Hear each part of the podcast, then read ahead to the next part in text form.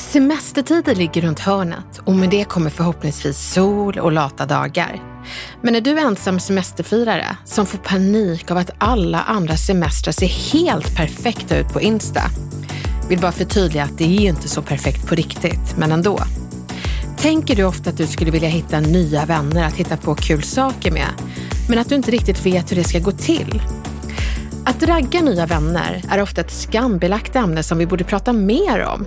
Och därför gör vi det idag i veckans retoriktips. Häng med, nu raggar vi nya vänner. Det här är veckans retoriktips i Snacka snyggt med Elaine Eksvärd. Visst finns det saker man kan säga när man vill ragga kompisar, men det bästa är att klura på hur man ska börja. När jag var en vänskapstörstande ensamvarg i New York så kände jag ofta att jag kom med en snälla lek med mig energi. En sorts klängig energi som inte representerade mig. Så istället för att kasta vädjande och hjälp mig-blickar till gäng som verkade ha kul så bestämde jag mig för att sysselsätta mig med mina intressen, nämligen dans och teater. Och det var där, efter två långa ensamma månader, som jag träffade mina vänner Bosmat och Ruth. Det är inte alls konstigt att jag träffar dem där om man ska kika på forskning som säger, hör och häpna, att vi oftast blir vänner med folk vi delar intressen med. Så påbörjar du en kurs eller hobby som ligger i ditt intresse så kommer du öka sannolikheten att träffa likasinnade potentiella vänner. Börja sjunga i kör, ta en danskurs, gå en kurs i kreativt skrivande eller kanske paddel. Och det du ska göra är att föreslå en fika efter kursen för de som vill. Oavsett vad du gör, så starta vid dina intressen. Du kommer hitta likasinnade.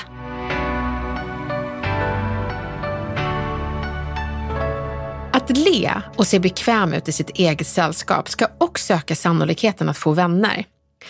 Det finns en del fel i det jag gjorde som fick mig att stå solo i New York. Jag såg ju rädd ut för min egen ensamhet, vilket gjorde att folk inte fick den där henne vill jag hänga med-viben.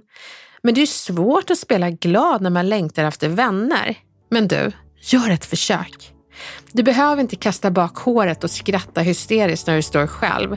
Men du kan åtminstone le mot andra istället för att se sådär osäker ut som jag gjorde.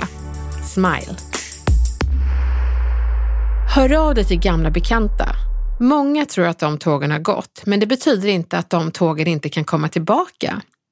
Ring och säg Hej Camilla! Det var länge sedan. Det har gått så lång tid och det vore kul att se vad som har hänt i ditt liv. Lite catch up. Vi kanske kan se vem av oss som är bäst på boll efter tio år. När du säger så, så blir det ett förslag på en kompisdejt och det är jättebra med en aktivitet som bryter isen lite. Alltså nu när jag tänker på det så skulle jag tycka det var sjukt kul om vänner från lågstadiet hörde av sig för en laserdom-träff, några stycken, och sen catch up. Bra idé va? En annan bra sak är att skapa igenkänning genom att komma till samma plats vid ungefär samma tider. Vi människor är ju rutinvarelser och de som brukar vara där en viss tid kommer att känna igen dig och sen hälsa gott när ditt nylle går från okänt till bekant. Sen är det viktigt att våga ta kontakt. Det är ju bara att säga liksom hej, jag har sett dig så många gånger. Vad heter du förresten? Vad jobbar du med? Um, jag jobbar med det här.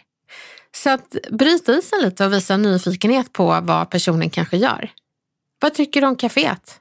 Funkar det bra för dig att jobba här? Du är här ofta. Att hoppas på att någon annan ska ta steget och säga några väl valda ord till dig, det är att hoppas på lite för mycket. Var inte rädd för nederlag utan det är alltid en seger att ha tagit kontakt. Det är värt att fira att du vågade oavsett vad personen svarar.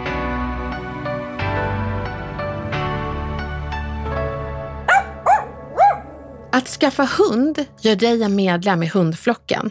Många har fått vänner den vägen, men man ska ju skaffa hund för att man älskar hundar, primärt. Inte för att man vill ha vänner.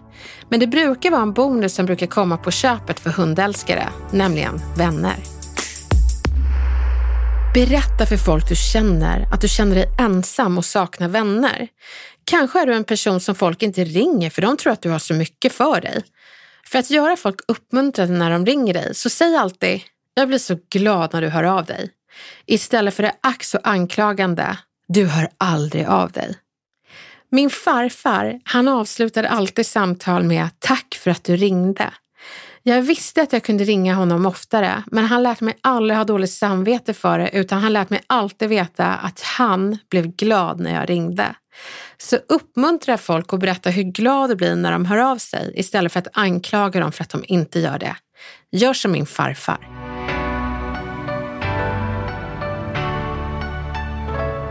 För kvinnor så finns det appar för att skaffa kompisar.